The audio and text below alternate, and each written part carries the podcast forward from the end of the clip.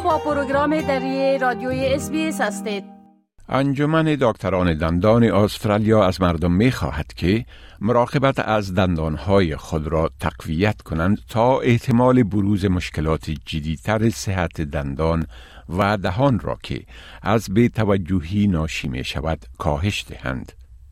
این هشدار به مناسبت هفته بلند بردن آگاهی در مورد اهمیت مراقبت از دندانها در حال داده شده که تحقیقات جدید دریافته که از هر چهار استرالیایی سه نفر یا 75 فیصد به ندرت از نخ دندان استفاده می کنند و از هر پنج نفر یک نفر یا 20 فیصد صرف یک بار در روز دندانهای خود را برس می کنند.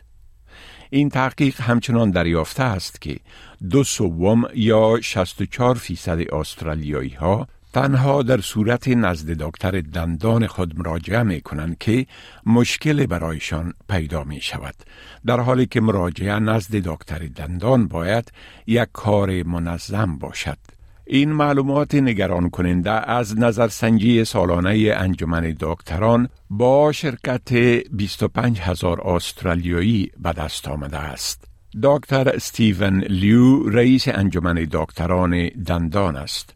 او حین ارائه توضیحات در مورد نتایج حاصل شده از این تحقیقات می گوید که فقدان توجه به صحت دندان در بین مردم نگران کننده است.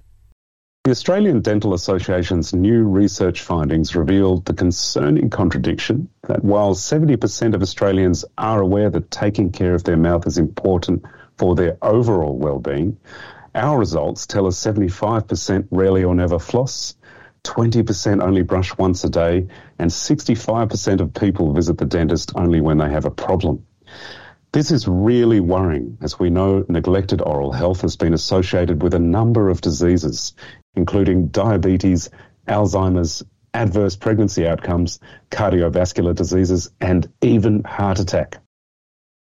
در مورد ارتباط بین صحت دندان و بقیه اعضای حیاتی بدن معلومات فراوانی وجود دارد و اطلاعات زیادی در مورد آن از طریق رسانه های جمعی ارائه می شود. ولی با این هم مردم به این موضوع به اندازه کافی توجه نمی کنند. دکتر لیو در مورد این که چرا هنوز هم اکثر مردم دندانهایشان را با نخ پاک و برس نمی کنند می گوید که جای نگرانی است که بسیاری از مردم فکر می کنند که با برس کردن زیاد دندانهایشان ضرورت ندارند یا نمی خواهند این کار را بکنند. او می گوید که مردم نه تنها باید دندانهایشان را حداقل روز دو بار برس کنند بلکه باید آنها را با نخ نیز پاک کنند تا از بروز مشکلات صحی مرتبط به دندان جلوگیری نمایند. Well, worryingly, a large number of people feel that they don't need or want to brush their teeth more often. 29% of people say brushing their teeth causes pain and therefore avoid it, which is concerning, as this may indicate an underlying problem and actually make that problem worse. Also, many people don't realise the importance of flossing, as in fact, brushing only removes 60% of bacteria from the mouth, leaving behind food and germs festering between your teeth.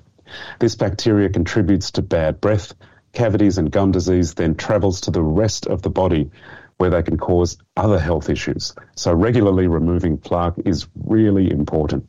دکتر لیو می گوید که نادیده گرفتن صحت دهن و دندان می تواند منجر به بیماری های بسیار جدی صحی شود چون دهن از طریق رگهای بسیار کوچک با بقیه بدن مرتبط است و جراثیم می توانند از طریق این رگها به بقیه بدن سرایت کنند.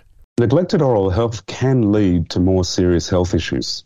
A lot of people aren't aware that the mouth is actually very closely connected to the rest of the body through a number of small blood vessels.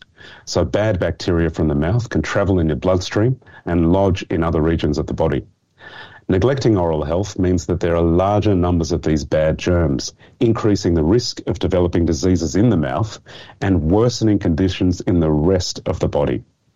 Gum disease is an inflammatory disease leading to bleeding, painful, and swollen gums, and shockingly, one in three Australian adults have it.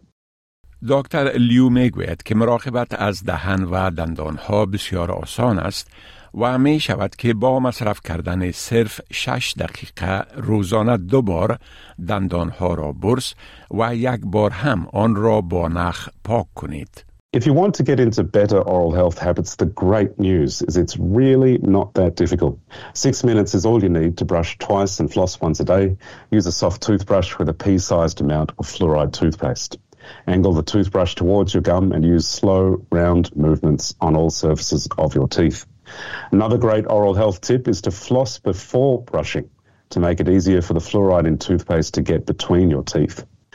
If you don't have access to a toothbrush, then rinse your mouth with tap water. Remember to limit sugars in food and drink. Of course, visit your dentist regularly.